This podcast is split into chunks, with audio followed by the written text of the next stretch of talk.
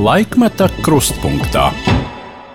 Esiet sveicināti, skan Latvijas radio, ir pusdienlaiks un raidījums laikmeta krustpunktā ar vien dzirdams sestdienās. Pie mikrofona Arnis Krause, producents Ilza Agīnta. Šodien ir 25. marts, viena no drūmākajām Latvijas vēstures kalendāra lapusēm. Īstenojot operāciju Priboj, jeb no krievu valodas tulkojot krasta banga, dažu dienu laikā padomju okupācijas vara salauza tūkstošiem likteņu. Saskaņā ar PSRS iekšlietu ministra Kruglova 1949. gada 5. februāra pavēli par izsūtīto Latvijas iedzīvotāju nometinājumu vietām jau savlaicīgi tika izraudzīti Amūras, Omskas un Tomskas apgabali. Lopu vagonos iesēdināja vairāk nekā 40 tūkstoši cilvēku, viņu vidū 11 tūkstoši bērni.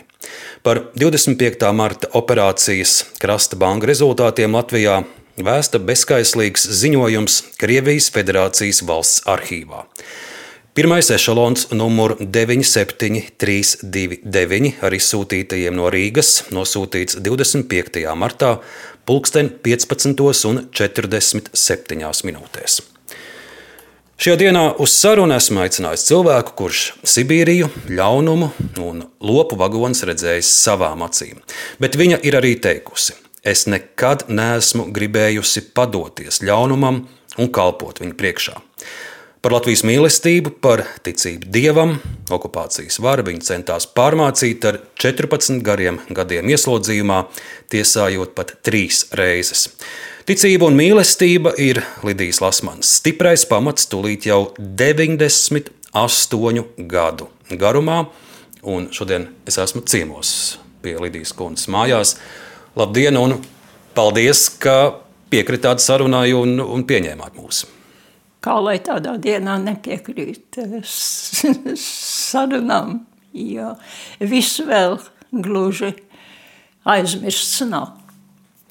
Lidija, parasti tiekoties ar jums, ļaudis daudziem vaicā par tiem jūsu moku un šausmu ceļiem. Un manai paudzei jūs labprāt ar savām atmiņām dalāties, bet varbūt pat neraugoties to, ka šī ir ļoti tumša diena Latvijas vēsturē, es vēlētos sarunu sākt ar ar gaišo, kas, protams, jūsu garajā mūžā arī ir piedzīvots, un, un noteikti jau tās vienas no gaišākajām ir bērnības, skolas gadu, jaunības atmiņas.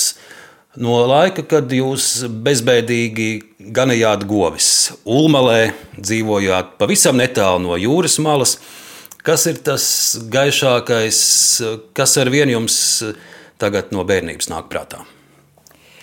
Nu, gaišākā jau ir pati bērnība. Līdz karam, pirmie skolas gadi un, un tās bezrūpība un tāda liela mīlestība visapkārt. Saula debesīs un siltas mājas, mīļi vecāki, vecvecāki, visi cilvēki bija jauki, mīļi un labi. Nu, tu jutīsies tur tā kā tāds kaķēns, lolots un barots un sargāts. Un nekas jaukāks jau laikam par tādām bērnības atmiņām nevar būt. Man bija gaiša bērnība, man visi mīlēja. Vecāki, vecvecāki, mūsu visi kalpotāji, visi ļaudis, kas mājās bija, arī kaimiņi, kad paaugos mēs gājām viens pie otra talkās, kartupeļu talkās un sienu pļauja un visi tie ražas novākšani. Toreiz jau nebrauc ar tādām mašīnām un nebija tik milzīgi lieli lauki. Jums lidēja arī vajadzēja kāpt kūts augšā un, un, un lēkāt, lai to sienu piestampātu? Jā, nu, darbs jau toreiz nelikās kā smaga nelaime. Neviens nedomāja piketēt laukos, jo savādāk mums nebūtu bijis ko ēst pašiem, nedz arī ko savus lopus barot. tā tas vienkārši notiek, ka cilvēks bez darba nevar, iz, ne, nevar dzīvot. Tas bija tik dabīgi, ka neviens par to nedomāja. Nu, no smaguma kāds kādreiz pavaidēja, bet gāja atpūtās un gāja atkal. Un tādu darbu es neesmu redzējusi, ka kāds būtu tur palicis laukā un nepiecēlies. Tāds nemaz nevarēja, tāds netikt pieļauts. Lidijas kundze, es palūkojos Latvijas valsts arhīvā, un uh, ir saglabājušās anketas no 1935. gada tautas skaitīšanas, un šeit visi jums uh, tuvie un mīļie ļaudis ir arī fiksēti kopā aizpūtas pagasta Ulmalas olainas mājās. Un es redzu, ka te ir māju saimnieki Zomers, Krišs un Zomere Ilze. Tā ir jūsu vecā māte un vecais tēvs, jā, un arī, arī jūsu mamma Anna, tētis Andrejs. Un šeit arī ir Velta, Lidija un Arī brālim ir jābūt. Brālis tā tad ir kur... brālis Alberts. Brālis Alberts, jā, un, un uh, Līdijas kundze, kas man, kam es pievērsu uzmanību, šeit ir arī personas kartīte 35. gada, tā tad aizpūtas apriņķis, Ulmāls pagasts. 1925. gada jūlijā ir dzimusi Lasmane Alisa. Vai tā Alisa ir tā pati Lidija, kas man sēž tagad pretī? Alisa ir tā pati Lidija. Jā, man, man ir vēl eh, apliecība, pati pirmā apliecība, kur es esmu Alise Lidija Lasmane. Kā jūs pie šī vārda nokļuvāt? Nu, pēc stāstiem mans brālītis ir gribējis, lai māsiņu sauc par Alīsu un ļoti strīdējies ar, ar vecākiem. Un Un tā brālītim par godu es esmu Alīs. Viņš man kādreiz arī par Alīs devēja. Un, Lidija, vai jūs atceraties, ka 14 gadu vecumā, 1939. gadā, jūs esat uzrakstījusi rakstu, un, un tas ir pēc tam publicēts laikrakstā Rīta Stari. Tas laikam bija Baptistu draugs laikraksts par, par uh, notikumiem savā Ulmālas draudzē. 39. gads atceraties tādu faktu. No, es atceros, jā, es atceros. Es nezinu, kāpēc Ulmālas draudzē. Nu, tur bija tās draudzes mums visapkārt, Ulmalē, Pāvilos tā sakā.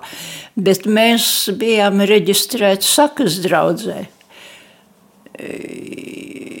Jo es atceros, ka mēs visi kopā no mājas, visi iedzīvotāji svētdienās braucām uz baznīcu sakas.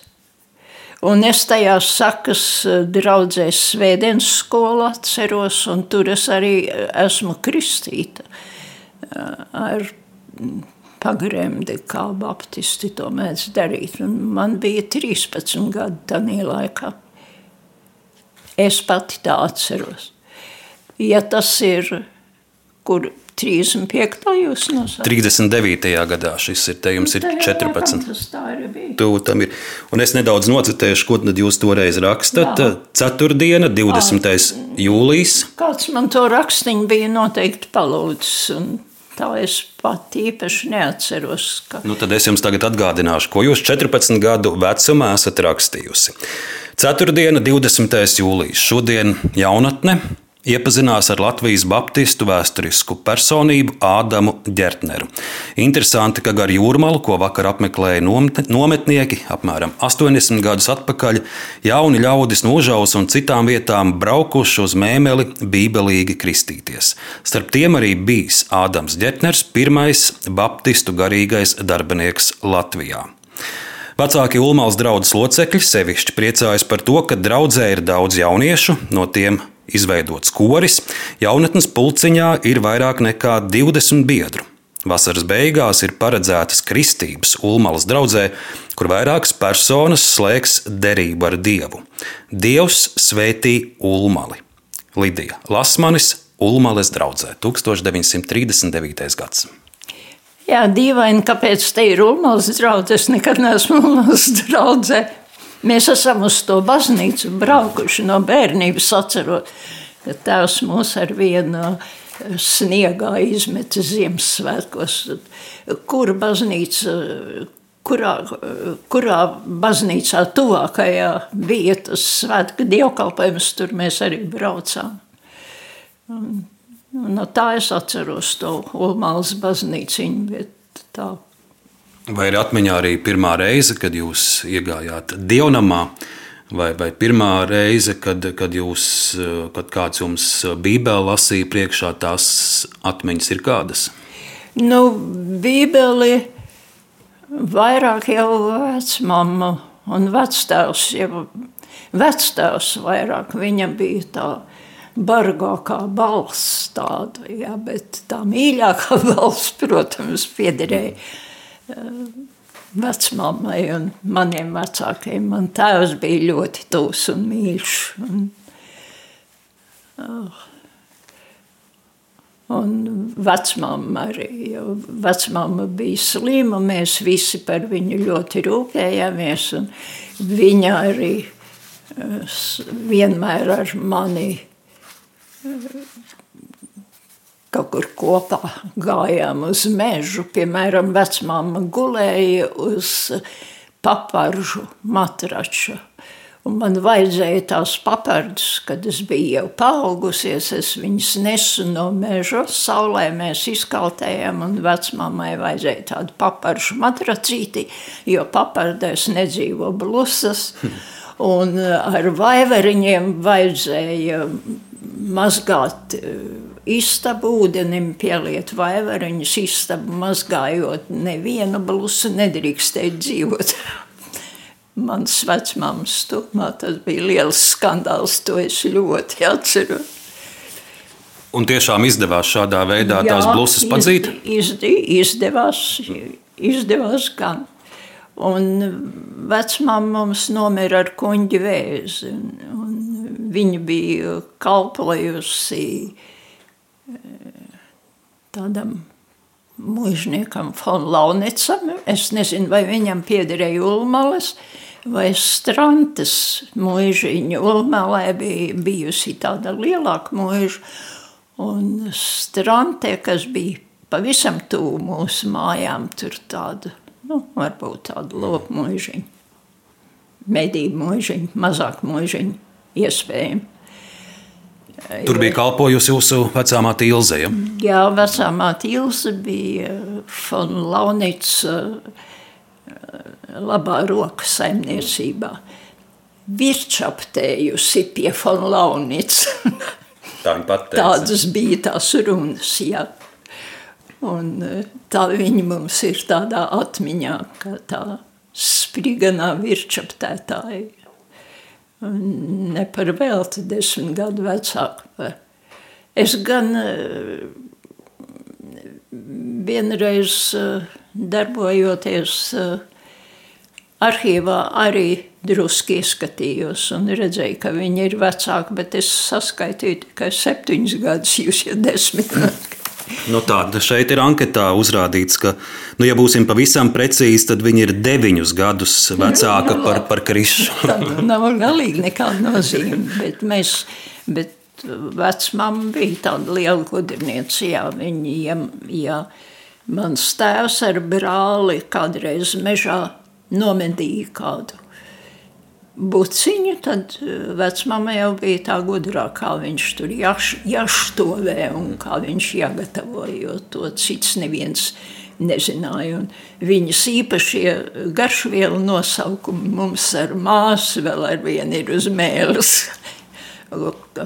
Grūti pat saprast, ko vecmama būtu domājusi ar eh, nosaukumu Hena Greko Heno Greko. Jā, mēs ar, ar māsu gudrojam, ko tas varētu nozīmēt. Es domāju, ka tas varēja nozīmēt Ingveru. Hmm. Bet viņai tie nosaukumi viss bija vācu valodā kaut kā tā. Uz to pusi vismaz kā jau no kurzemnieku vācu skruna. Ar māsu arī bieži devāties uz, uz jūru, jo dzīvojāt pavisam netālu. Es no, saprotu. Māsa ir par mani seši gadi jaunāka. Mēs ar brāli vairāk, mums ir mazāk gadu starpība. Un uh, brālis man vienmēr vairāk uh, vilka līdzi. Mums bija māsa jāpieskata, jau vienmēr pieskatiet māsiņu, pieskatiet māsiņu, un viņi taču mums ne, nevarēja Un tā, un tā mēs viņu arī sakaitinājām reizēm. Kad dabūjām visi savus teterkāpostus. ja mums pietrūka pacietības ar tādu mazu līti. Bet vispār mēs draudzīgi ģimene esam bijuši. Līdzīgi kā, kā jūsu ģimene tūkstošiem citu Latvijas ģimeņu dzīvi un ikdienu izmainīja 1940. gada jūnijas Krievijas okupantu ienākšana Latvijā. Jums tolaik bija 15 gadi. Vai jūs atceraties to pirmo reizi, kad jūs ieraudzījāt to krievu karavīru savā acu priekšā? Pirmā reize krievu karavīru ieraudzīju Liepājā, jo tad es sāku mācīties gimnāzijā. Un, un tur viņi mums bija toreiz augšā puļķīts, apakšā muļķīts. Ja viņi staigāja tajās buģjonkās ar tādu puļķīti augšā, cepurē tajā. Un, nu, ko mums... Tas vienkārši bija šausmīgi. Es dzīvoju Kā esmu no laukiem, man bija liepājā, kur jā, kaut kur jādzīvo. Un es ģimnāzijā mācoties, es dzīvoju pie savas ģimnāzijas draudzenītes. Latvijas armijas virsnieka ģimenē, kapteiņa Tomševica ģimenē. Un, un mums ar viņu meitu kur tagad ir apmēram mana, mana vecuma eh, cilvēks un eh, dzīvo Kanādā. Mēs vēl sazināmies. Cik nu varam. Mm -hmm. Un, eh, nu, ko mums bija apsolīta kadetu balle pēc 16 gadu vecuma. Man bija 15. Mm -hmm kad ienāca Krievi. Un bāle nenotika? Bāle nenotika. Ienāca augšā puļķīts, apakšā muļķīts un bāle nenotika. Man jau bija vecāks eh, brālis. Brālis mācījās Kazdangas lauksaimniecības vidusskolā, kur tēvs viņu bija norīkojis. Un, brāli jau izslēdz no Kazdangas vidusskolas, jo viņi bija tur um, kādam uh, lielam okupācijas kungam um, bija jāceļ godvārti skolēniem, kas tur bija braucis ciemos. Un, un mans brālis ar citiem saviem draugiem bija pakāruši kaut kādu beigtu vārdu tajos goda vārtos. Nu, tā mēs toreiz pretojamies. Kā prātā tāda bija tā, tā laika Latvijas jaunatne, mani vienaudži. Un tad man brāli no izslēdz un, un viņš pārgāja uz aizpats vidusskolas direktors. Viņu pieņēma savā paspārnē un viņš vidusskolu nobeidza aizpats tajā ģimnāzijā. Un kara sākums, jūsu pirmās atmiņas par to, kā karš sākās? Kara sākums mums jau bija rādio mājās, un rādio bija vectēva istabā. Nu, jo Un, un vectēvs vienmēr ir jaunākās ziņas, kas viņu ļoti interesē, tad viņš ar vienu iznāca un ja mēs bijām kaut kur turpat sētā, tad es atceros, ka viņš durvīs uz sliekšņa stāvēja un jaunākās ziņas paziņoja. Un tur bija dziesmu svētki, kurus jau rādio atskaņoja, viņš tur bija sēdējis un klausījies, kas notiek tur tajā Latgales dziesmu svētkos. Es atceros, ka vectēvs bija uz sliekšņa, stāvēja uz sliekšņa un teica, nu tie ir krievi, nu krievi, un sauca kaut ko, viņš bija kādās ziņās kaut ko mm -hmm. sapratis un sadzirdēja. Un tā man kaut kas no, no tā laika, no, no tās jaunības palicis, ka krievi pārgājuši pāri robežai, ka pēkšņi krievi. Un, un tad, kad rudenī aizbraucu uz skolu, mm -hmm. tad, jā, tad es viņus tur pirmo reizi satiku. Augšā puļķītis, apakšā muļķītis. Kirza zābaki smirdēja pa gabalu uz ielas. Viņa tāda īpaša smarža visam tam dezinfekcijai. Un Es atceros, ka tēva brālis, tēvots Sansis, Liepājā dzīvodams vecs drāšu fabrikas meistars. Ticīgs cilvēks neļāva mums apsmiet cilvēks un teica, jūs nesmējieties, viņi vienkārši nezina Viņi ir trūcīgi, viņiem nav tā kā mums, viņiem ir citādāk, un viņi ir citādāk, jūs nedrīkst smietiet. Viņš mums neļauj, jā, tad es tā mēģināju savaldīties. Bet nu nevarējām jau, nevarējām, grūti jau bija. Un, un tomēr tas dalījums palika. Mums bija viens redzējums, un viņiem cits redzējums. Un kad sākās visas tās uh, uzbāzīgās mācības, un, un arī tā mācība, ka dieva nav. Tas bija visdīvainākais, jo mēs taču no bērnības zinājām, ka Dievs ir, ka Viņš vienkārši ka ir labais un ļaunais, ka Dievs ir labais un vēlns ir ļaunais. Un uh, vecmāmas lādēja uz vāka, iekšpusē uz vāka bija tādas bildes, kur vēlns grāpīja vārtos nejaukos grēciniekus tā lielām dakšām. Tad tā sajūta par labo un ļauno vienkārši ir.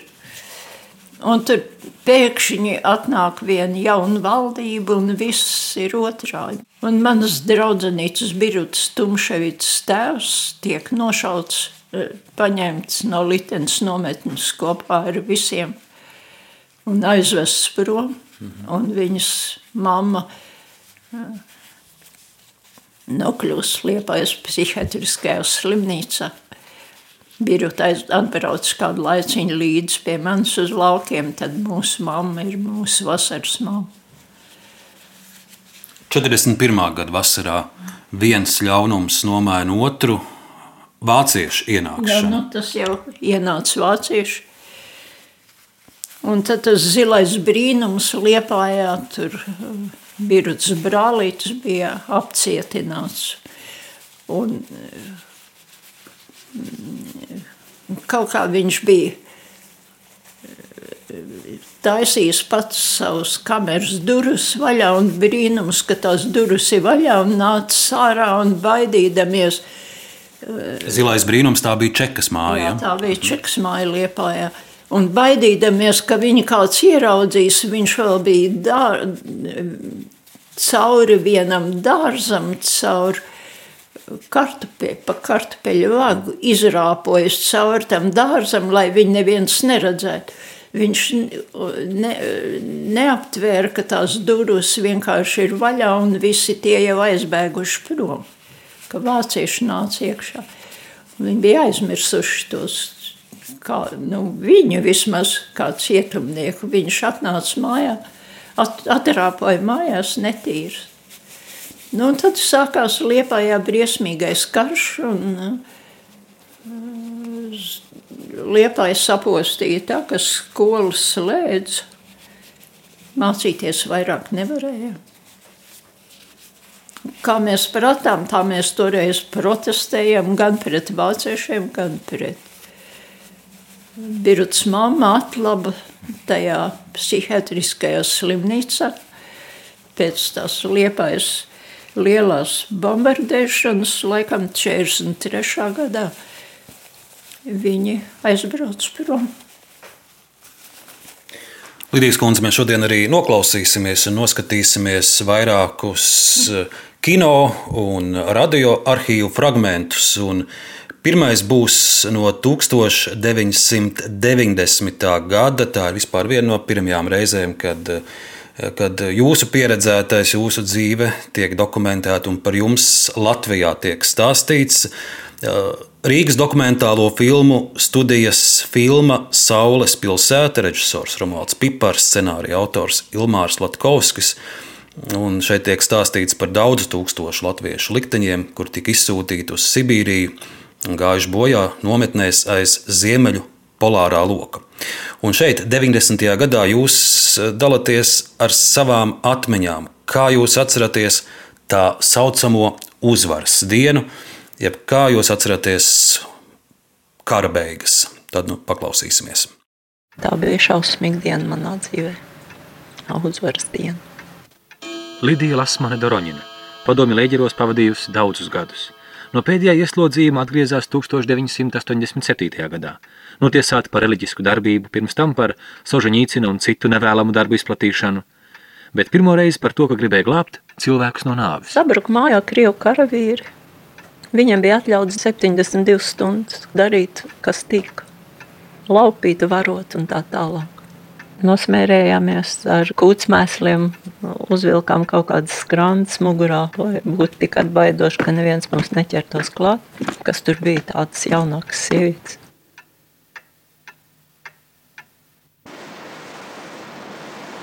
Mēs aizgājām ar tēvu uz jūrmālu un gaidījām to laivu. Viņa diez kāpēc tā vakarā neatnāca.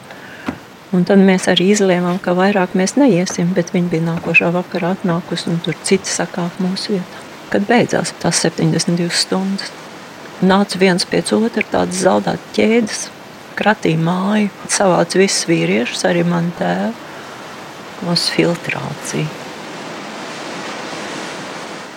Ну, цепью прошли, вылавливали карателей.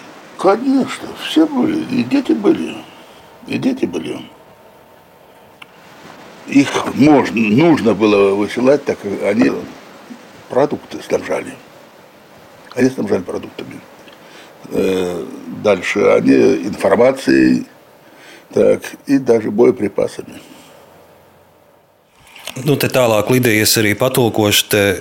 Filmā ir, ir dzirdams arī kāda, var saprast, bijušā padomu virsnieka vai čekista uh, stāstītājs, kurš saka, ka, ka, protams, viņi esot pārbaudījuši arī bērnus, jo bērni bija informatori, arī bērni bijuši tie, kas ar, ar produktiem apgādājuši Jā. meža brāļus, kā toreiz teica, un, un ka, ka bērniem pat esot bijuši bojepripasi, tātad munīcija. Ja, tas, tas ir stāsts arī par jums. Nu, tā jau bija. Jo, nu, slēpās mežā, sabiedzi visi, nu, visi mūsējie, manējie, mani, mana tēva, man visi mūsu paziņas, visi cilvēki mums apkārt. Nu, mēs nevarējām izšķirot, kuru slēpt, kuru neslēpt. Mēs visi, visi bijām vienādi tas eh, ķemēšanas, vai ne pēc kara, vai ne tie pirie, pirmās krievu rindas, kad izgāja mums visiem cauri, tad kas tur pāri palika vēl tie sabēga mežā. Mūsu mājā, piemēram, saskrēja eh, leģionāri, jo mēs taču dzīvojam turpat netālu no jūrmalas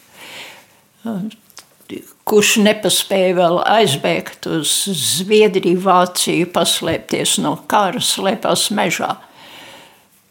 Mūsu māja ir pilna ar uh, leģionāriem. Tur nebija, ne, es nezinu, ne, ne, nevienam, dažiem, kas vēlāk palika mežā, kas, kur vārdus iepazina. Es nezinu, mūsu cilvēki visi, mēs, mēs jau viens otru glābām un slēpām, mēs visi slēpāmies no ienaidnieka. Krievi brauca, gāja aiz muguras, un viņi bēga pa priekšu, bēga mežā iekšā, saskrēja mūsu mājā.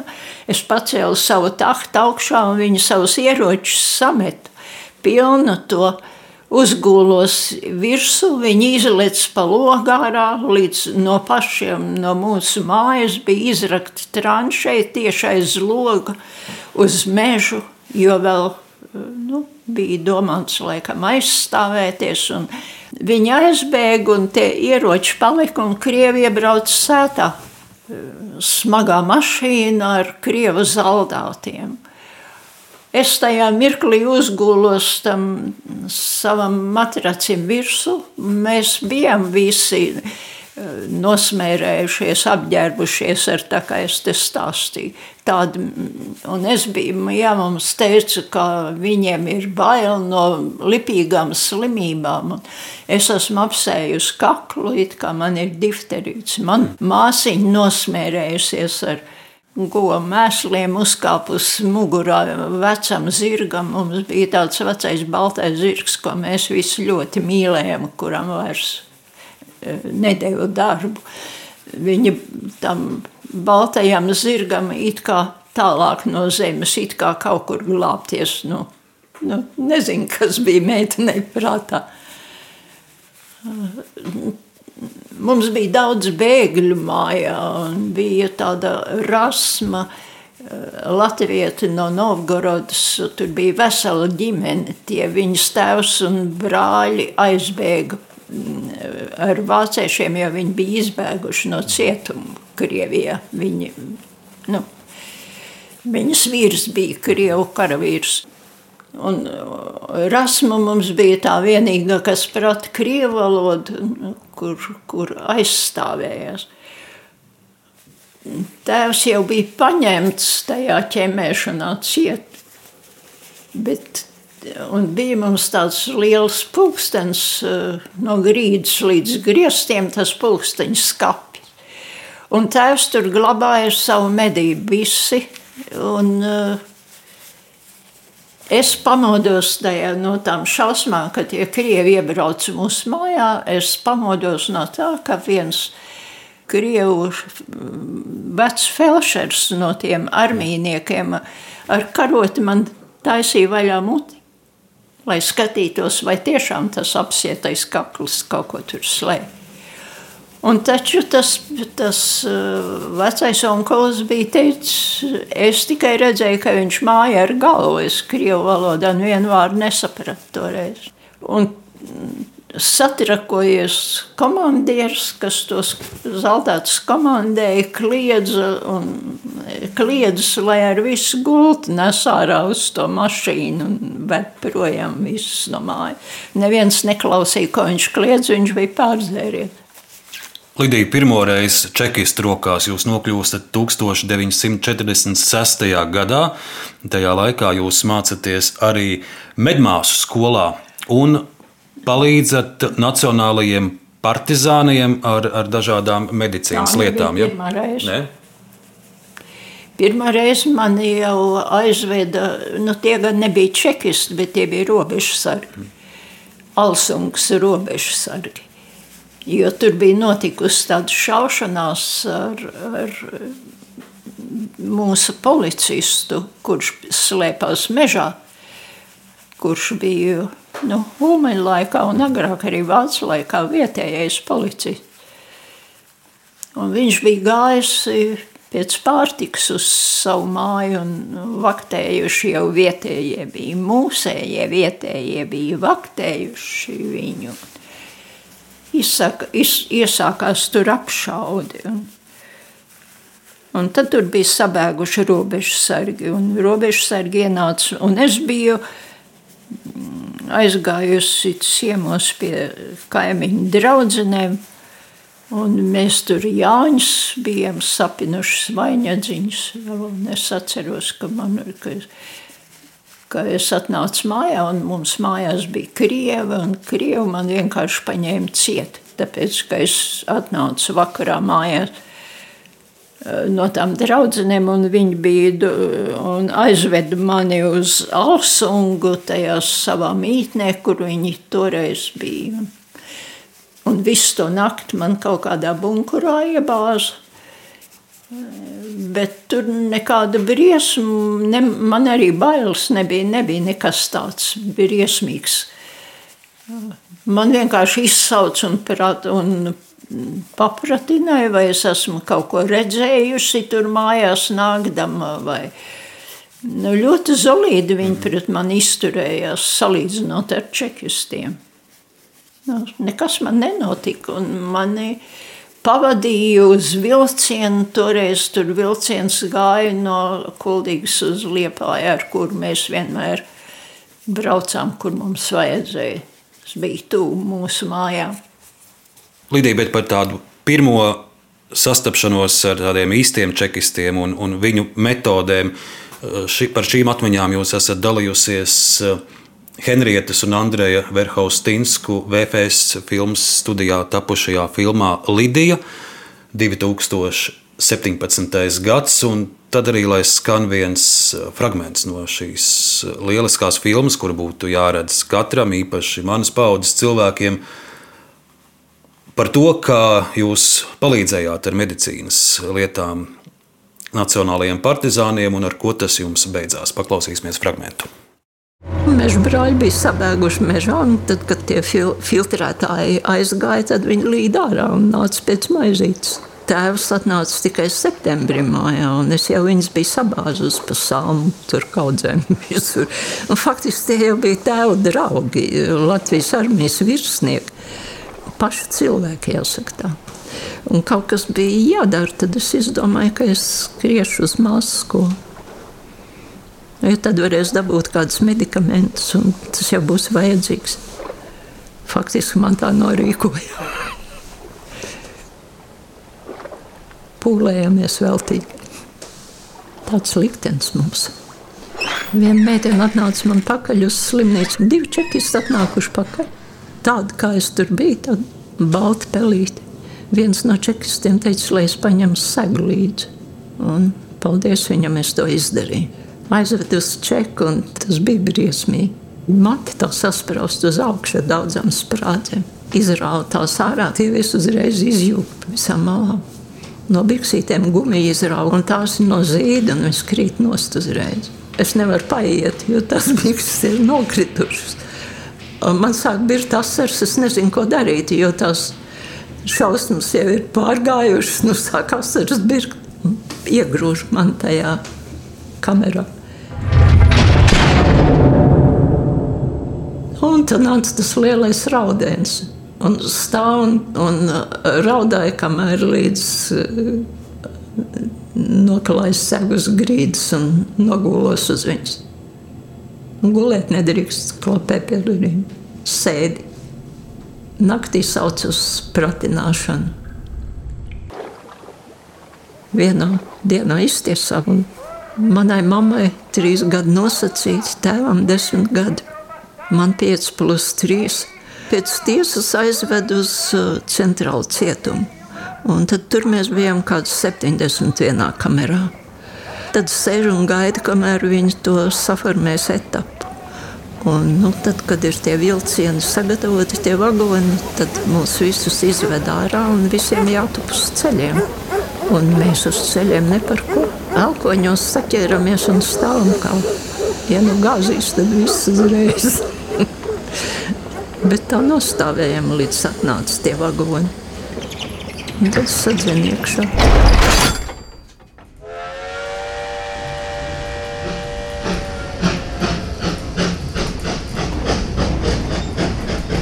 Uz to Sverdlovsku mūsu veda etapā lopu vagonā, kā jau vienmēr. Divos stāvos gultiņus un uh, vienā malā vagonā caurums, kur drīkst nokārtoties. Kādas pāris nedēļas mēs braucām, līdz aizbraucām. tajos urālos. Fragments no dokumentālās filmas Lidija. Lidija, Sibīrija. Kādas ir tās pirmās dienas, pirmās naktis, kādas jūs atminat tur, aiz urāliem? Nu, es jau tagad zinu arī uh, ekskursantu stāstus, ko viņi stāsta. Man, man tādu stāstu nav.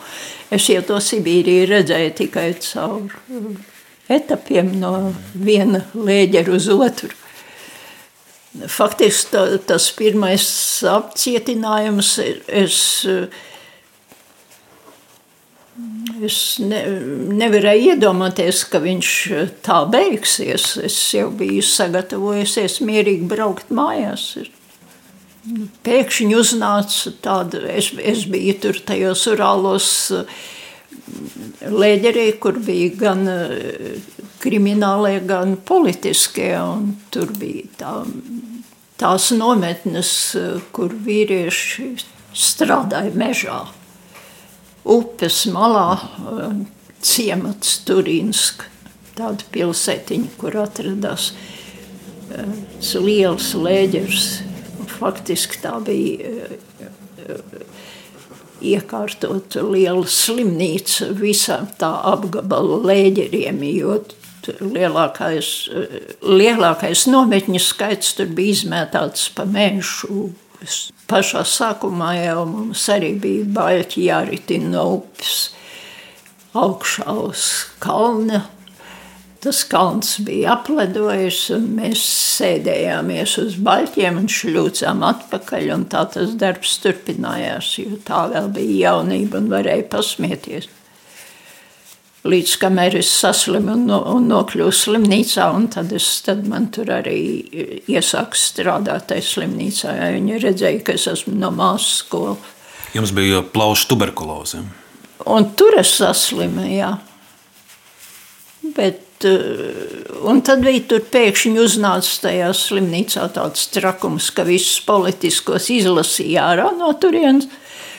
Un uh, uzšūja mums uh, skaitli uz muguras. Mēs vairs nebijām cilvēki, bet numurs tāds un tāds.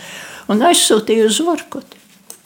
Un tur es arī, tur man bija tas cīņa ar dzīvību un nāvi tuberkulozes dēļ. Jūs to numuru vēl atceraties, kuru padomu vara jums piešķīra? Diemžēl nē. Viņš man noteikti atcerētos, jo, jo pirms nākšanas ārā, pirms laišanas uz māju, man apzaga. Jo es jau nebiju gatavojusies braukt uz Vorkutu. Es gaidīju, ka man bija palikuši vēl cik pieci mēneši no mana soda beigām, un es braukšu uz māju.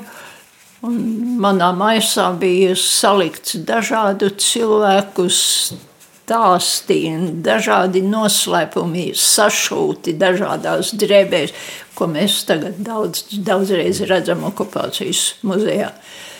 Kaut kas būtu tur papildinājumam noteikti bijis un man pašai slēpjams un vajadzīgs. Bet liktenis bija citādi lēmis.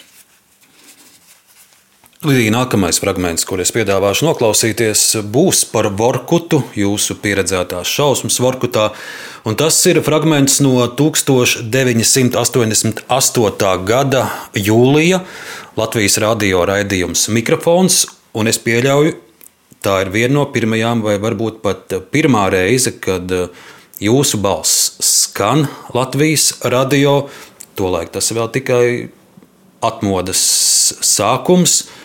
Un es pieļauju, ka šī ir tā, tā varbūt arī viena no pirmajām reizēm, kad tik atklāti un tik skarbi tiek runāts arī par uh, piedzīvoto Sibīrijā, par ciešanām un par šiem šausmu ceļiem. Tad, nu, lai skan fragments no 1988. gada, raidījums mikrofons tā autori Dzintris Kolāts un Ilmārs Latkovskis.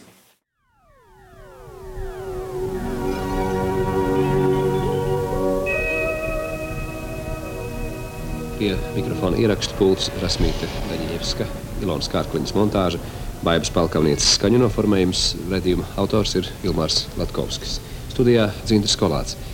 Šajā raidījumā ir izmantotas intervijas no Zinātņu akadēmijas Tautas kinostudijas jaunās filmas Daži stāsti bez epiloga.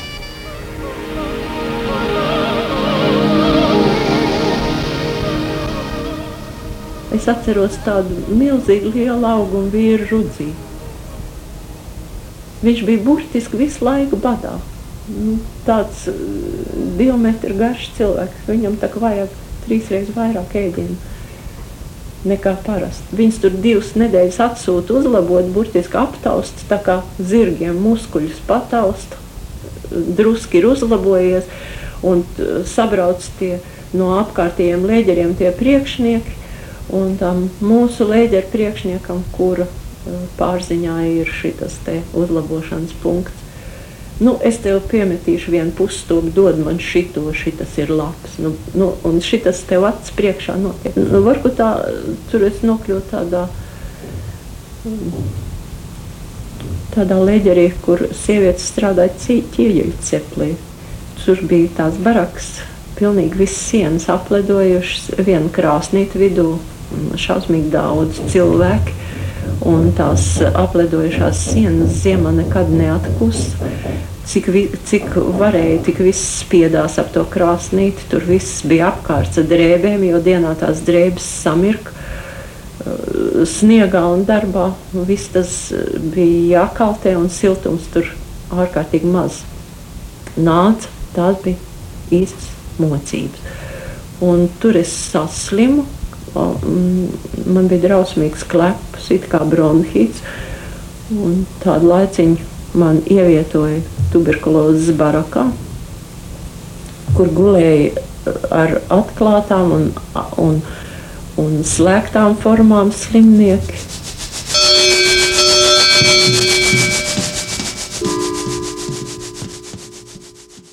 Tik tālu fragments no 88. gada raidījums mikrofons un jūsu atmiņas. Vai, vai jūs vēl atceraties to pieredzēto arī tīri, tīri fiziski, vēl, vēl sajūtat, piemēram, nu, to augstumu, par kur jūs te runājāt ar šajā fragmentā? Nu, ir tādi mirkļi, Es, es to kādreiz ļoti, ļoti pamostos kādreiz no kaut kāda šaus, sapņa no tiem laikiem. Vai tas ir sapnis, vai tas ir eh, tā mirkļa jauns pārdzīvojums. Tanī brīdī, kad es pamostos, pat grūti saprast, bet kaut kur tālu no manis tas nav. Tas, tas vēl ir ar mani kopā kaut kur to jūtu šad un tad. Kaut gan man tagad ir labi un siltā mājā, un, un mēs esam brīvi. Es domāju, ka to pašu varētu izjust vecs karotājs, ka izgājis visu cauri šausmām. Jāpajautā vecajam skrējam, kuram tagad ir tikpat daudz gadu kā man, un nevar vairs pakarot. Lidija, klausoties šo fragment, jūs arī teicāt, ka vēl pa vidu visām tām briesmām, kas jau tā bija, vēl bija arī blaktis. Nu, bez blaktīm vispār nav iedomājams. Krievija bez blaktīm nemaz nav iedomājama. Ar tām pat cīnās cilvēki Viņš jau pārnes viens pie otra. Pat e, tīrīgi cilvēki normālās mājās vēl šad un tad pacīnās ar tām blaktīm. Mēs šī, šī, tagad es dzīvoju savu draugu mājā, kur pieder e, Zviedrijas latviešiem. Kad mēs šeit sākām remontēt tos dzīvokļus, mēs cīnījāmies ar viņu tarakāniem un balaktīm ilgi, ilgi vēl cīnījāmies. Tās bija grūti dabūjams ārā. Tas ir kaut kas šausmīgs, kas piemīt, es negribētu teikt, tai tautai, bet tai zemē. Mm -hmm. Jo tautas tur ir tik dažādas, bet jā, tā tas ir. vāciešiem vismaz blakus nebija. Lidija, vai jūs atceraties to dienu, kad uzzinājāt, ka Staļins ir miris? Nu, ļoti labi to dienu atceros. Es to nemūžam neaizmirsīšu. Tad jau mēs dzīvojām komitādā republikas ciematā, kur mans vīrs strādāja Trestā, Ņefķegāza razvietka. Un savu vīru jūs iepazināt Sibīrijā, ja? Varbūt tā, jā. Viņš man paglāba no nāves. jā, viņš, nu jā, tas ir cits stāsts. Gaidīja ilgi, tas Staļins tik ilgi mīra un nevarēja sagaidīt. Un toreiz radio bija tāds, mēs viņu saucām par šļapu, nu, tāda, tā kā tāda melna liela cepura pie, pie sienas kaut kur. Ko tu šodien dzirdēji par šļapu? Что ты по šļapе слышал сегодня? Mēs bijām tādā viesnīcā, ģeologu dzīvojām istabiņā ar trīs gultām. Un, un sunīts mums maz bija. Un, un es gaidīju, gaidīju to staļinā, un tad beidzot viņu paziņoja, un es vienkārši pa tām gultām skraidāju, dejoju un sunas pāpakšu. Mans vīrs nāca mājā no darba, un es tur gavilēju istabā, un viņš aizver durvis un saka, klusāk, klusāk, kāds izdzirdēs, būs briesmas atkal. Jā, tā bija mana gaviļu diena. Nu, norim un sapratu, ka tagad es tikšu mājās. Un tā arī bija. Un man visi sodi jau sen bija beigušies, es jau būtu bijusi mājās tajā mirklī ja viņš būtu agrāk nomiris. Lidija, kādu jūs ieraudzījāt Latviju, jau atgriežoties no Sibīrijas? Uh, nu, tajā Maskavas laikā es pie. Es dzīvoju tajā skolas internātā, bet uh, mans tuvākais radinieks bija mans brālēns Mežparkā dzīvoja. Un es mājā braucot, protams, bija pie viņa pirmā tā apmetne. Uh, un bija koki izauguši, meža parkā lielāki koki izauguši. Pirmais, ko es jūtu uzreiz no dzelzceļa mājā ienākot, ceriņi, milzīgs krūms, es vairs apkārt nepazīstu. Latvija, jā, tas tās neiedomājams sajūta. Kaut arī bija uz katru soļa kiosks, kurā varēja nopirkt šņabi, 100 gramu. Es atceros, ka mans vīrs jā, pirmā braucienā uz Latviju. Mēs gājām ar kājām no Mešparka uz Rīgu, lai izbaudītu pilsētu un Latviju un mājas – un viņš lasīja uzrakstus kiosks. un saka, kāpēc, eh, kāpēc nu, vārds tā beidzās ar divies. nebeidzoties normāli. Un priecājās par mēģināja latviski runāt, un, un mēs no priekiem katrā, katrā kioskā pa mazam mēriņam iedzēra līdz, līdz pilsētas centram bijām priecīgi ceļinieki pa Latviju. Un es nemitīgi visu laiku stāstīju, kā bija agrāk, kā bija agrāk. Viņš tikai māja un teica, es varu iedomāties, es varu iedomāties. nu, jā. Tas bija priecīgs laiks. Pats pirmais mans braukums bija, kad es ar ar bērnu aizbraucām. Man vajadzēja pie mammas tikt, jo mamma bija Pāvilostā. Un tur bija jāprasa vīza, jo uz Pāvilostu bez vīzes nevarēja tikt. Nu, mums iedeva to vīzu, un es aizbraucu pie mammas. Māma no prieka vienkārši nevarēja parunāt. Pirmais viņai bija tāds garš prieka kliedziens, viņa nevarēja parunāt ilgu laiku. Jā, tas bija. Tas bija jocīgi, pēc tik ilgiem laikiem bija jāpierod. Bet nu, droši vien arī krievu valoda visapkārt, arī cilvēki armijas, frančos. Tas arī bija tas, ko pamanījāt diezgan ātri. Nē, nu, jā, es par to vienkārši nekādu mirkli vienkārši negribu pat ar jums sarunāties. Jo tā jau bija tā šausmīgā ikdiena. Tas nu, bija tā, ka tie pirmie krievi, ko mēs šeit redzējām, tie jau nebija tie krievi, kurus satiku, kurus es satiku Gulāgā. Tur bija daudz brīnišķīgu cilvēku. Un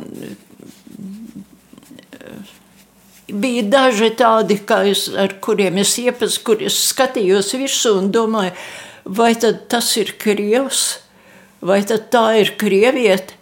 Sevi brīnījos, kamēr iepazinos, un jā, nu ir taču arī citādāk krievi. Nav jau tikai šie Putina krievi vien. Ir jau patiešām arī tādi kā Puškins, nu, lai būtu viņa iela Latvijā, man nekas nav pretī.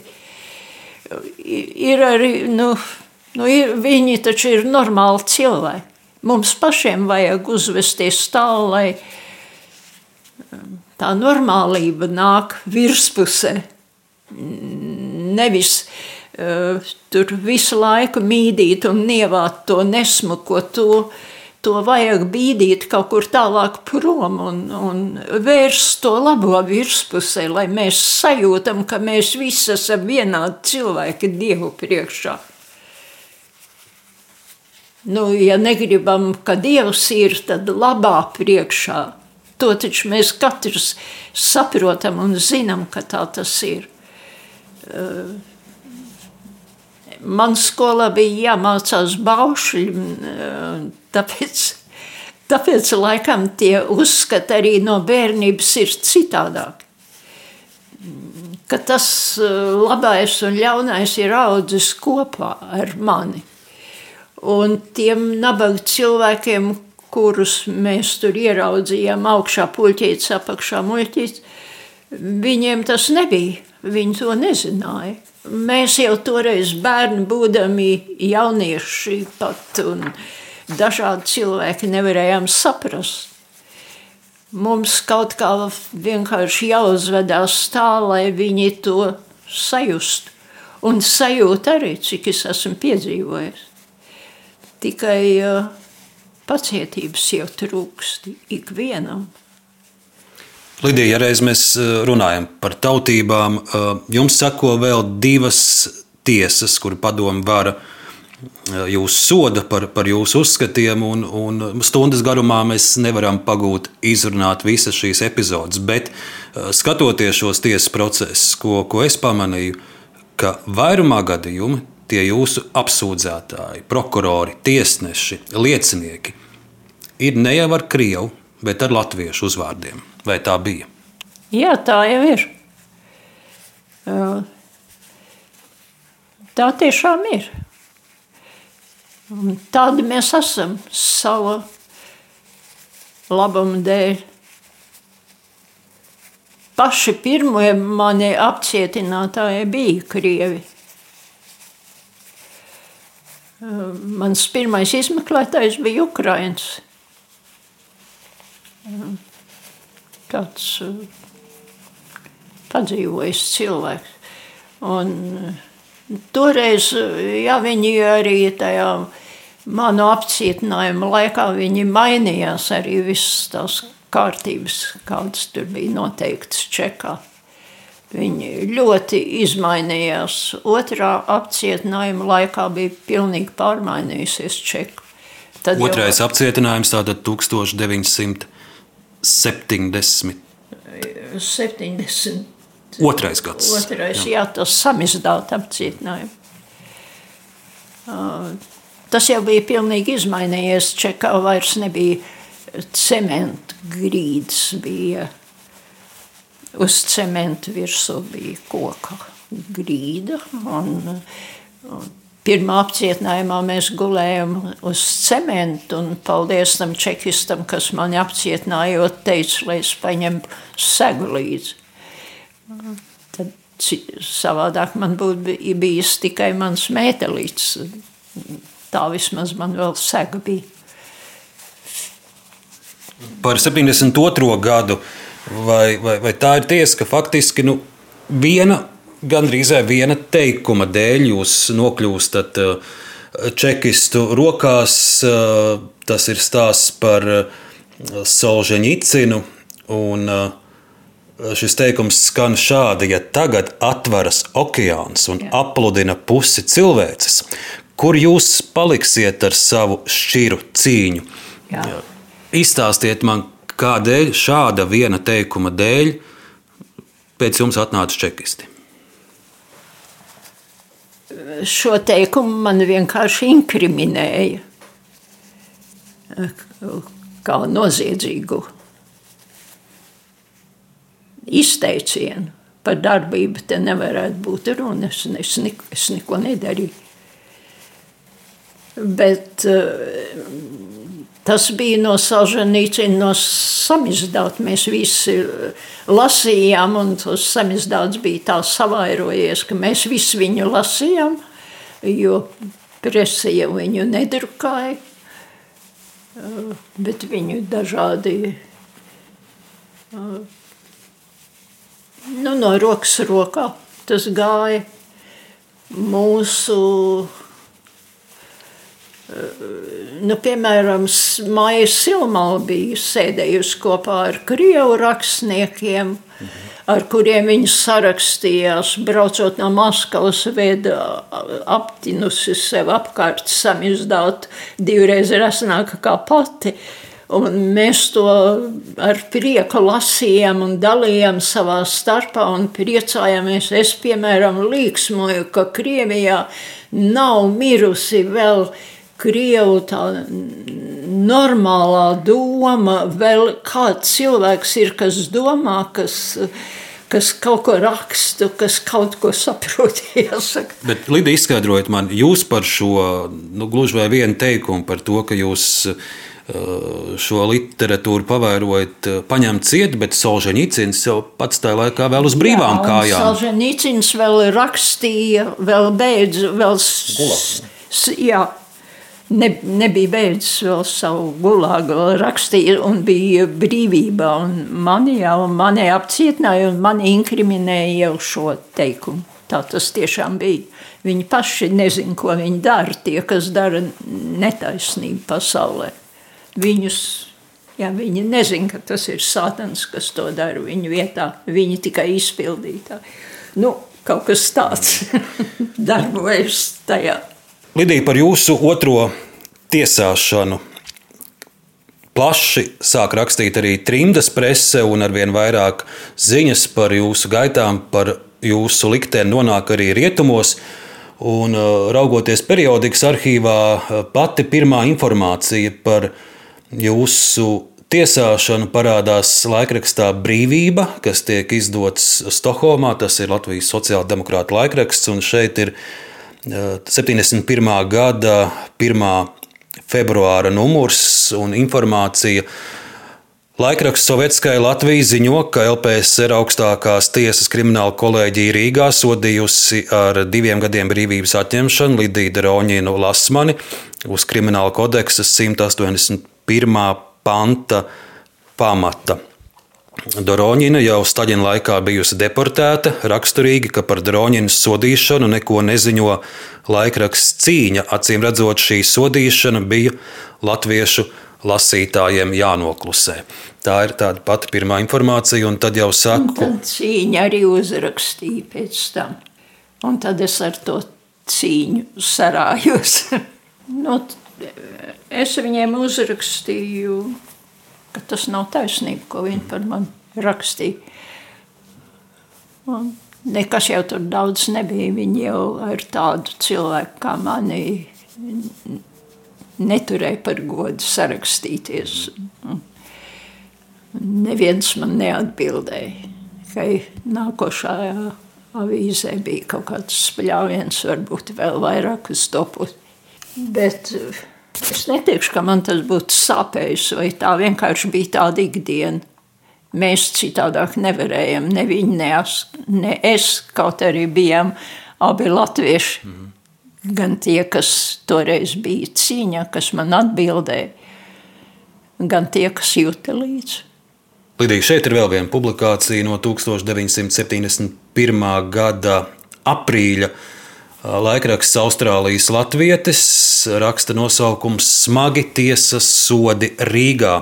Šie spaidi liecina par nemitīgu pretpadomju kustību okupētajā Latvijā. Un tātad tiek ziņots, ka Rīgā notiesāta Latvieta Lidija Droņina.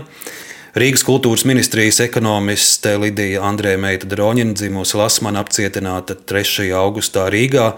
Jau 50. gados viņa izcieta piecus gadus ilgu sodu nometnē. Tālāk te ir rakstīts, ka izkratot Droņinas dzīvokli Rīgā atrasti samizdata materiāli Krievu rakstnieka Almarika atklātā vēstule uz Angliju, aizbēgušiem krievu rakstniekam Kuzņecovam un Solženicina protests par zinātnieka Medvedeva apcietināšanu. Un tālāk vēl ir dažādas, dažādi fakti, jā, kad lietu pret jums ir izmeklējis tiesnesis Kaķītis. Un vēl, vēl daži fakti. Tālāk jau sako arī trimdas presē aicinājumi gan jums rakstīt vēstules un atbalstīt, gan rakstīt vēstules eh, padomju sūtniecībām un pieprasīt jūsu atbrīvošanu. Un es atrodu, ka piemēram Londonā pat ir noticis arī pie padomju vēstniecības. Ukrāņu, trimdas ukrāņu uh, rosināta demonstrācija, kur, protams, piederās arī. Ukrāņiem kopā sēdēt cietumā. Nu, lūk, varbūt arī tādēļ arī, arī Ukrāņi Londonā pulcējas protestos pie Krievijas vēstniecības un prasa jūsu atbrīvošanu. Cik daudz par visu šo, ko rakstīja trimdā, par jums šīs ziņas līdz jums nonāca? Un vai tās jums arī deva kādu spēku, atbalstu, ka jūs zinājāt, ka par jums iestājas un cīnas tautieši? Nu, es to zināju no saviem radījumiem, no brāļu un uh, brāļu sievas Valentīnas Lasmans, kur, kur ir ļoti pazīstama uh, uh, Latvijā. Jo viņa ir lielākā cīnītāja par to, lai mani izlaistu no lēģera. Nu, nevienu, protams, kopā ar visām organizācijām. Viņi ir iestājušies par mani. No turienes arī viņu presē tās ziņas. Un par um, to Andreja Malrika rakstu. Vai pastāvēs Latvija līdz 84. gadam? Jā, mm -hmm. Jā tas tā, to mēs ar prieku lasījām. Nu, toreiz bija tā, ka mūsu inteliģenti jau arī bija cietumos pasēdējuši. Piemēram, Māja Silmale un, un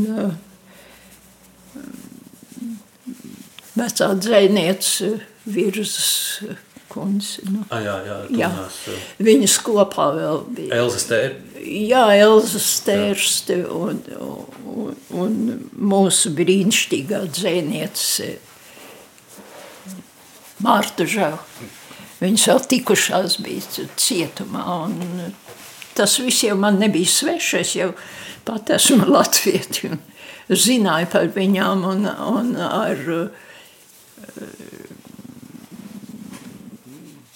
Ieva Lasa ļoti pazīstama latviešu franču valodas zinātāja un pasniedzēja ar Silmaļu māju kopā. Viņi bija apcietināti. -hmm.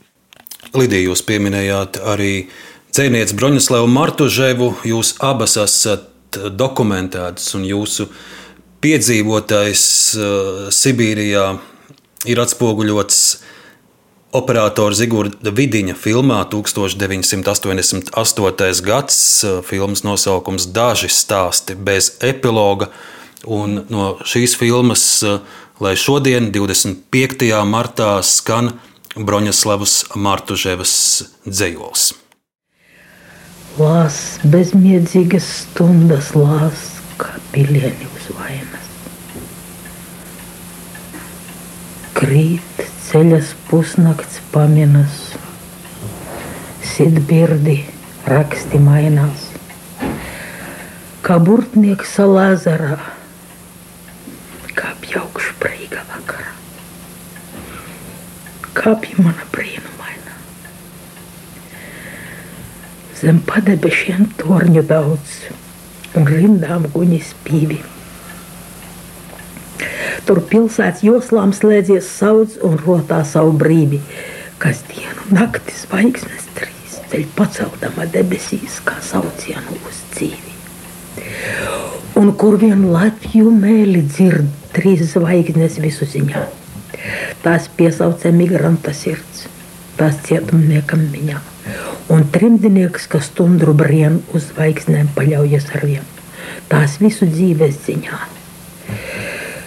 Tās liktas debesis grāmatā, kur spēks, kas zemē kļautu, kalst kaltīs roka kārīgā, kas stiepsies, lai tās rautu. Aug novembrīgās debesīs, pār sirmo Rīgu lepnivīs, pār izkaisīto tautu. Un kamēr trīs zvaigznes stāv, mēs brīvu grāmatu šķirstām. Un kamēr trīs zvaigznes stāv, mēs nepiedaram šķirstam. Lai žogus ceļ, lai restē skaļ, mēs nākam, nākam atpakaļ, pa brūcēm sirdīs cirstām. Tas rakstīts diagramatā, kur spēks, kas nepieļautu. Kalst kaltīs roka kārīgā, kas celsies, lai mūs kautu. Trīs zvaigznes padebešos trauc, uz nebeidzamu dzīvi sauc, sauc visu manu tautu. Broņislava Martuževa 1988. gads. Viņai toreiz šo dzējo lasot asaras acīs un, un, un to klausoties, man arī saskrien asaras acīs. To jau bez asarām nevar. Tas labi, ka asaras noskalo dvēseli. Tur tik daudz sagūlies par visu garo mūžu ar tādiem piedzīvojumiem. Un Lidija, jūsu trešais arests, tas ir 83. gads, tie ir uh, drausmīgi Andropova laiki, un uh, jūs apciedina par pretpadomju propagandu. Jā. Toreiz uh, 5 plus 3 gadi uh, jums atkal tiek piespriesti, un uh, jūs uh, ved no viena Krievijas cietuma uz otru. Kā jūs atmiņās sakat, ka tas ceļš bija šausmīgs. Bet, ko es lasu trimdas presē, es redzu, ka toreiz uh, tautieši bija panākuši, ka Zviedrija, Zviedrijas valdība par jums iestājas, un, un Zviedrija bija devusi ziņu uh, PSRS, ka, ka mēs uh, Lidiju Roņinu Lasmani aicinām pie sevis. Jā. Jūs to arī zinājāt? Nu, es nezināju. Jā. Viņi man nevar paziņot, jo man vēstules, es esmu apcietināta, es nevaru saņemt. Un, un valdība, kas to varēja zināt? Ček to mani. Man Zviedrijas vietā aizsūta uz Kalnu altāju, bet arī tur bija ļoti skaisti. Žēl, ka tik mazu laiciņu es tur dabūju pabūt. Lidija sākas eh, perestroika, Gorbačova laiks, 87. Jā. gadā jums atļauj atgriezties Latvijā. Un eh, viens fakts, es pat teikšu, nu, komisks, ne komisks, bet 88. gadā, 25. martā, jūs dodaties pie brīvības pieminiekļa godināt represiju upurus, bet pat tad, vēl 88. gadā, Čeka jūs neliek mierā. Un, un jūs tiekat uh, paņemta ciet, un, un, un es saprotu, ie, iegrūsta tajā čekistu bobikā. Jā, un, uh, ar, jā, un aizvest, jā, kad pie pieminiekļa bija tie protesti Rīgā, viņi man iegrūda bobi, bobikā un aizveda uz Jelgavu Tā laikam bija izpildu komitejas māja vienkārši. Un čekists ar mani tur sarunājās kaut kādus niekus. Es tur varu viņam pukstēt par to, ko dara ar mani, cik es gribu. Viņam ir viena alga, viņš man tur notur, kamēr Rīgā iet, ir tie protesti, jo viņi negribēja ļaut man piedalīties tajos protestos. Kāpēc? To es nezinu, kāpēc tas viss tika darīts. Jo... Un toreiz eh, jūs esat eh, šiem eh, čekas vīriem, kas ir bijuši tādi gados samērā jauni, Jūs viņiem esat teikusi, attopieties, attopieties, taču jau tūlīt viss mainīsies. Nu jā. es jau viņiem visu laiku to teicu. Viņiem man neticēja, viņi ticēja saviem priekšniekiem. Man jau bija viegli ticēt, jo es jau biju redzējusi brīvību, es zināju, ko tas nozīmē. Viņi nezināja. Un, ja, ja viņiem mēģināja kāds to mm, stāstīt, rakstot kaut kādus protestus un kaut ko pieminot, un vai pastāvēs eh, padomu savienība līdz tādam gadam, kā, eh, kā to Amelriks rakstīja, tad, tad, tad tas bija briesmīgs noziegums, un tas vienkārši jāsit nost tas cilvēks. Un, un tās grāmatas, to tu drīkst lasīt, to tu nedrīkst lasīt, un brīvībā dzimušam cilvēkam, kā man, to nedrīkst stāstīt. To, to neviens neticēs. Un, ja ticēs, tas būs nelietis. Es neko citu nevaru pateikt. Lidija, atgūstot Latvijai neatkarību, jūs savus vajātājus, pāridarītājus, šos čekistus arī, arī satikāt, nu, gluži nejauši, varbūt kaut kur uz ielas vai, vai, vai, vai, vai veikalā, Kādas tādas brīdis bija? Nu, es domāju, viņi tagad vēl nav miruši un ir dzīvi. Bet es viņus, protams, satiku, bet es viņus svītroju ārā no, eh, ne no atmiņas, bet no savas, eh, no savām, lai es viņus nepazītu. Es negribu viņus Es gribu viņus aizmirst.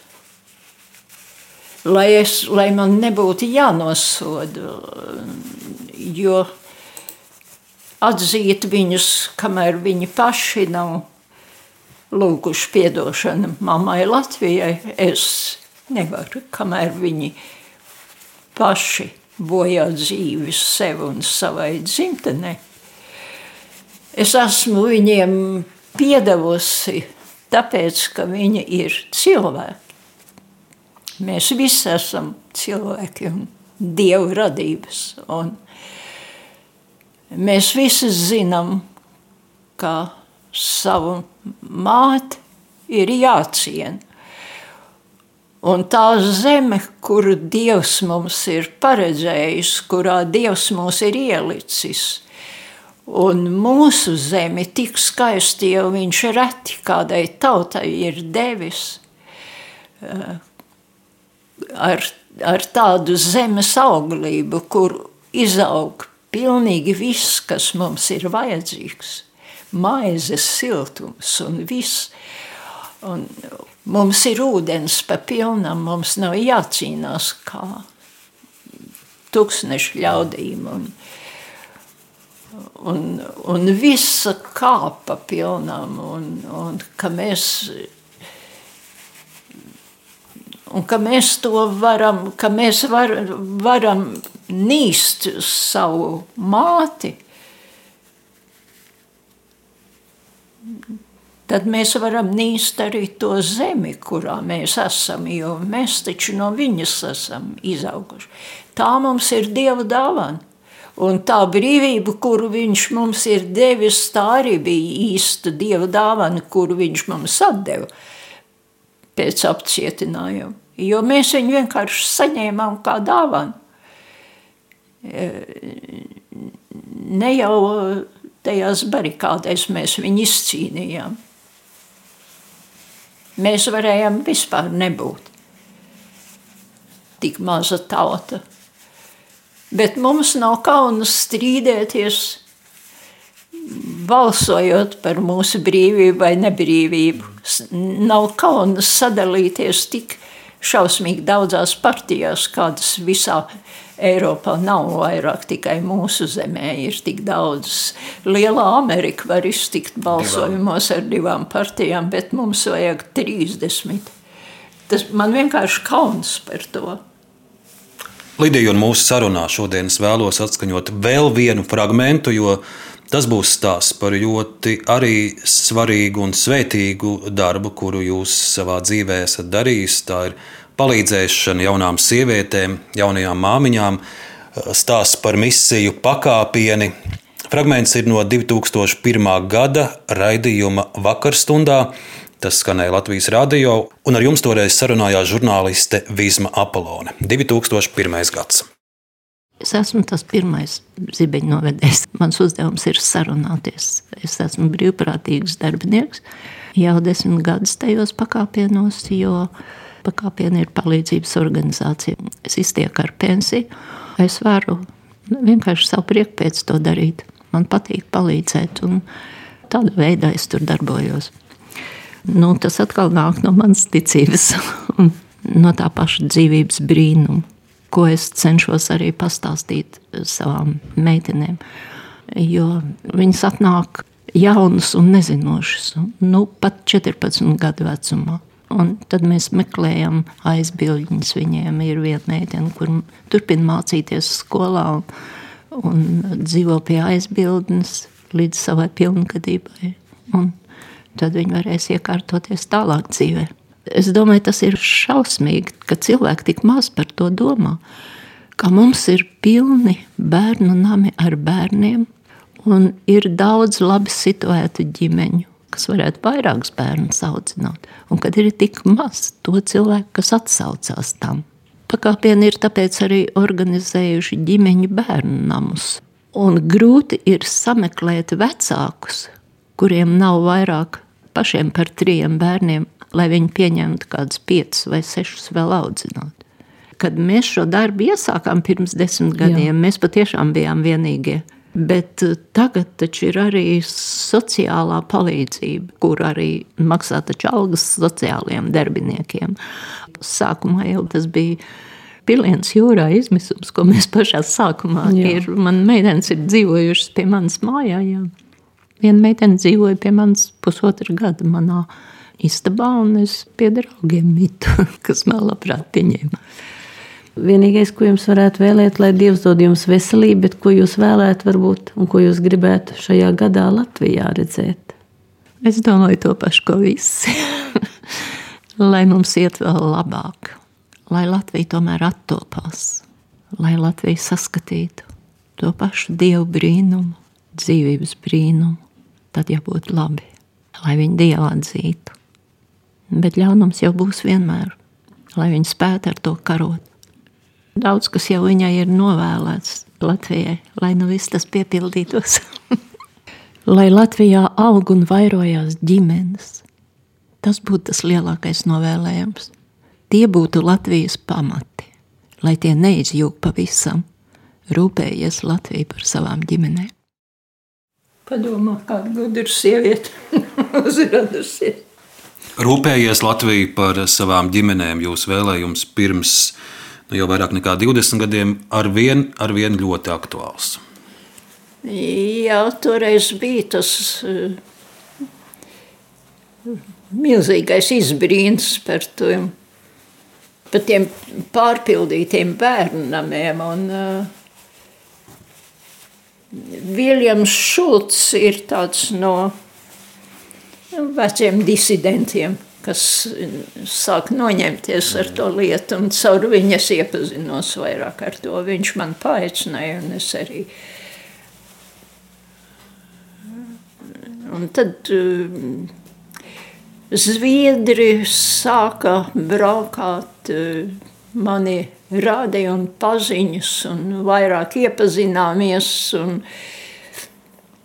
un, un, un pārsteidzi vienkārši tie pārpildītie bērnami. Un, nu, pirmajā bērnamā, kur mēs aizbraucam kopā ar Viljamu Šulcu ar pakāpieniem, ar, kur es iesāku ar tiem bērniem strādāt. Man vienkārši pārsteidz, ir slimie bērni bez kustībām, viņi vienā vienā tukšā istabā, kur nebija nekas. Viņi visi sasēdināti uz grīdas, viņi ne, nevar paiet, viņi viss tur notiek ar tiem maziem tādiem nekustīgiem klucīšiem, kas ne, viņi, viņi vienkārši ir aptīrīta, lai viņi nesēdētu savos izkārnījumos, un nekas vairāk tur netiek darīts un nevar izdarīt. Tur, uh, tur viss ir tik ļoti primitīvi. Un es, un nekur taču nebija nekādas iespējas par invalīdiem un bērniem, nekur nebija domāts ārpusē. Tikai par Leņķina pieminekļiem un, un neko vairāk. Nu, par, par Leņķina un partijas godināšanu. Un, un, nu, slaucējām vēl kaut kādu, varbūt brīvlaika vairāk. Un, un fabrikas strādniekiem, un liels gods sievietēm, kuras akmeņus grāva un lādēja vagonus un strādāja smagus darbus, un viņas tika slavētas un izvirzītas dažādos, bet, bet bērni Lidija, es skatos, jums te blakus ir fotografija, un jums ir kupls eh, mazbērnu pulks, bet droši vien tos. tos... Ir manējie, tie visi ir mīlēti un loloti, tāpat kā es pati, un tie ir bērnībā redzējuši sauli un mīlestību. Un, ja pat nav saules, tad pietiek ar mīlestību. Mazam bērnam neko vairāk nevajag kā mammas krūti un mīlestību. Viņam nevajag vairāk neko. Un viņš ir dzīves un priecīgs un smaida pretī. Lidija, man ir prieks redzēt arī jūs priecīgu un, un optimistisku, neraugoties uz to, ko mēs šīs stundas garumā esam runājuši, neraugoties uz jūsu šausmu ceļiem un, un pieredzēto čekistu mocībās. Kas ir tas, kas jums vienmēr ir devis to gaismu? Mēs zinām, ļaudis, kuri bieži čīkst, viņiem tas nav labi, un valdība ir slikta. Un, un, un ne tas ir paprātām, zinot, kam jūs esat gājusi cauri. Kas ir jūsu spēks? Kas to lai izmēra to spēku? Es ticu Dievam. Es ticu, ka nekas bez viņa ziņas nenotiek. Un viņš, es jau dzīvoju gandrīz gadsimtu, pāris gadu vēl tikai trūkst. Un viss, ko es stāstu, ir tas, ko viņš man ļaus piedzīvot. Un, tas, ko ir cilvēki, taču nav tikai slikti vien. Tie paši čekisti ir arī labi, protams. Un labu darīt vispār nevienā laikā, nekad un nekur nav aizliegts. Un jo vairāk centies darīt labu, jo arī pats saņem vairāk labu. Jo tu esi kopā ar to labo. Un lai Dievs dod to pamanīt un ieraudzīt. Es domāju, ka tas, ja no bērnības eh, cilvēks saprot, ka ir labais un ļaunais, un kas nāk no tās eh, labās, ko dod tas labais, un kā viņam uzbrūk tas ļaunais To taču nu, katrs bērns saprot, jo mēs bērnam sakam, nē, tur neaiztiec ugunī, nedari tā, būs slikti. Kad un kur viņš pazaudē to? Mēs visi esam Dieva radības, jo mēs saprotam labo un ļauno. Bet ļaunais arī ir ļoti spēcīgs. Un viņš mūs pārvalk savā pusē bieži vien. Ļaunais ir ļoti spēcīgs, to mēs eh, šobrīd pieredzam, pieredzam Ukrainā. No. Putina sāktais karš Ukrainā. Cik daudz jūs eh, šim visam sekojat un kāds ir jūsu paredzējums, kad Ukrāņi varēs svinēt savu brīvību? Jā, es tāpat uh, lūdzu Dievam, lai Ukrāņi uzvar, lai viņi dabūtu savu brīvību. Bet tajā pašā laikā man ir ļoti žēl Krievu tautu, uh, kurus dzen šī karā. Jo neviens pats jau tik labprātīgi neiet, negrib iet karā.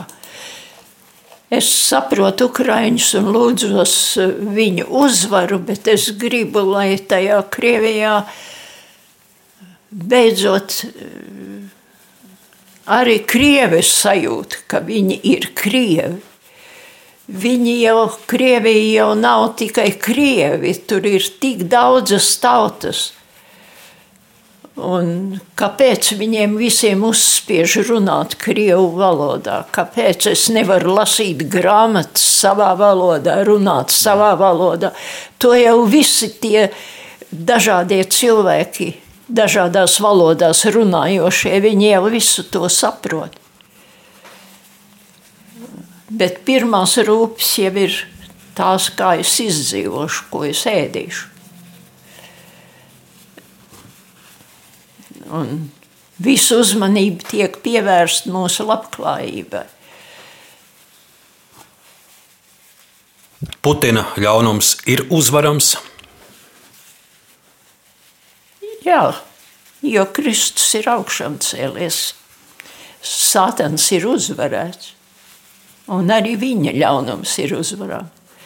Un tas arī uzvarēs, un tad varbūt Krievi arī būs tikai krievi. Tā taču ir brīnišķīga tauta, brīnišķīga valoda. Es, piemēram, lasu krieviski pareizticīgā priestera grāmatas Aleksandra Meņa, kurš arī ir viens no krievu disidentiem savā laikā pieņēma viņu kā disidenti, jo viņš bija, viņu vēl tagad neatzīst tā īpaši vai nepareizticība. Es lasu Krievu valodā to, to viņa rakstītās grāmatas. Un, un man ir tik ļoti skaidrs un saprotams viss, un tik dzīvi saprotams, ka es domāju, un es mēģinu sevī tulkot to pašu latviešu, es, es vienmēr tā daru ar krievu valodas rakstītājiem. Un es domāju, vai tas, vai, vai tiešām tikpat skaidri var izteikties latviešu, tik, tik saprotami. Un es sāku tulkot, un jā, un var mhm. vēl labāk, un ja vēl pameklē tulkojumus, Nu, ir taču tā, nu, kāpēc Krievis,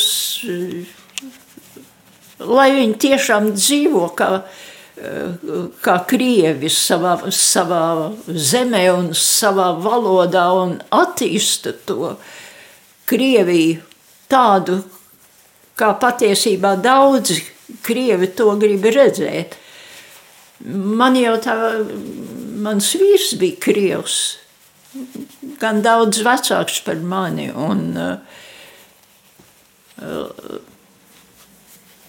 inteliģents cilvēks. Un, uh, es varēju ar viņu runāt par visām lietām. Viņš saprata arī mani. Gan, mēs, mēs labi sapratāmies Krievu valodā un Latvijas gan viņš grūti iemācījās, ļoti maz, nebija laika. Un viņš jau nav vienīgais krievs. Es gulāgā satiku brīnišķīgus krievus. Un, Tur es arī iemācījos krievu valodu un, un satiku krievu emigrantus no Harbinas, kuri nebija tikuši prom no Harbinas, kad tur ienāca krievi un viņus apcietināja un salika atkal cietumos. Man draugi bija un, un draudzene, ar kuru mēs slimnīcā kopā strādājām, Viņai nebija kur aizbraukt uz Krieviju. Viņa atbrauca pie mums. Viņai nebija māja, jo viņa bija no Harbina. Nu, un, un tur bija tik daudz inteliģents, tik brīnišķīgi cilvēku. Tad, kad es izlasīju pirmo reizi to Andreja Amalrika rakstu, vai pastāvēs Krievija līdz 84. gadam, Nu, visi tie disidenti, nu, par ko viņi iestājās, ko viņi minēja savos rakstos, kāpēc mēs viņus lasījām? Tāpēc, ka mēs sapratāmies, tā uzspiestā valdība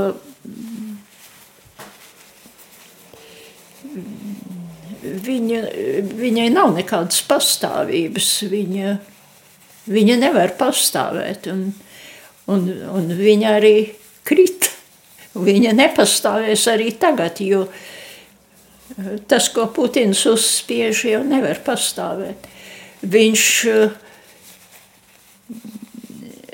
nepievērsa vērību. Jā, viņš arī nevarēja pievērst, jo kam viņš kalpoja. Viņš teica, čekis tas ir uz mūžu, un tāds viņš arī uz mūžu ir palicis. Jo viņš nekā labāk neredz, kā savus zelta apartamentus, par kuriem tik daudz ir rakstīts. Un, un tas ir nožēlojami. Tas pat nav nosodami, tas vienkārši ir nožēlojami, jo cilvēks, cilvēks neredz un ved sev līdz līdzīgos. Es ļoti priecāšos, ja būs pēc kara tur kādas izmaiņas. Lūdzot Dievu par Ukrainu, man ir žēl Krievijas. Un tur nu, mēs neko nevaram darīt. Tas tiešām ir Dieva rokās. Raugoties uz to, Jā. ka tieši Krievijā jūs esat izgājusi savus smagākos un mokpilnākos ceļus. Nu, tāpat jau man ir žēl tā mana nodevēja latviešu, kas man apsūdzēja čekai.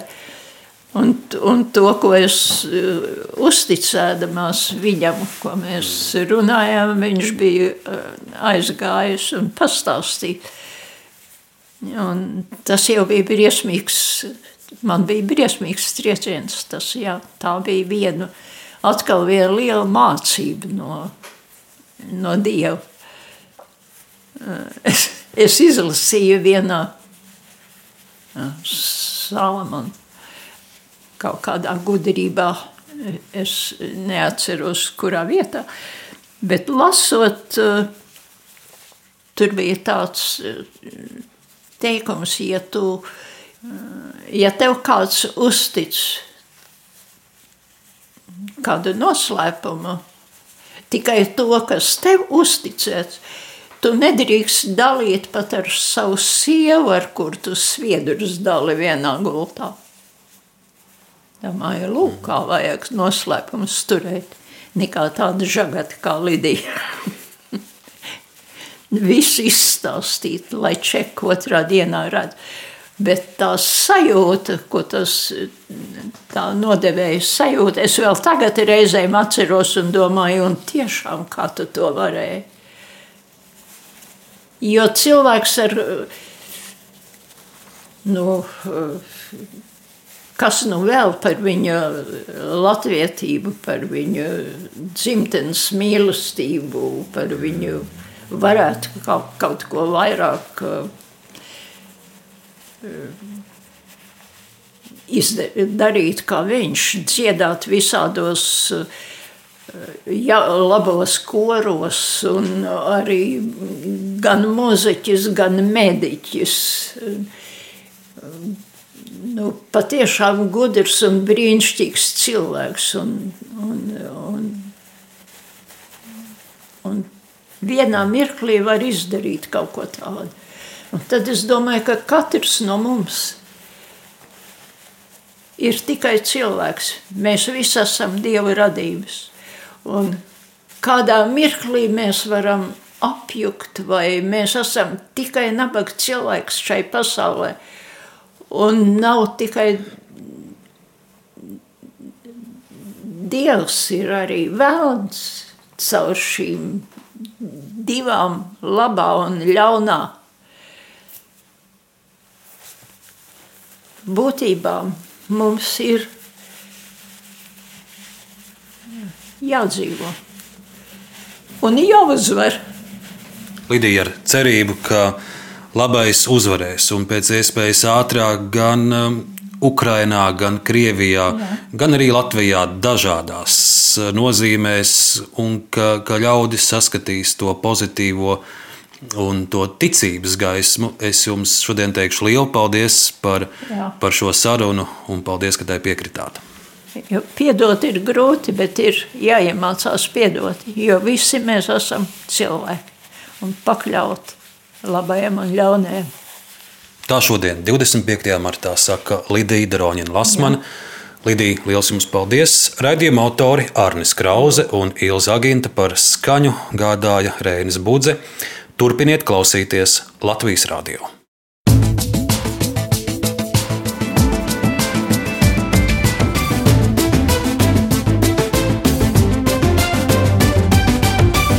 Laikmeta krustpunktā.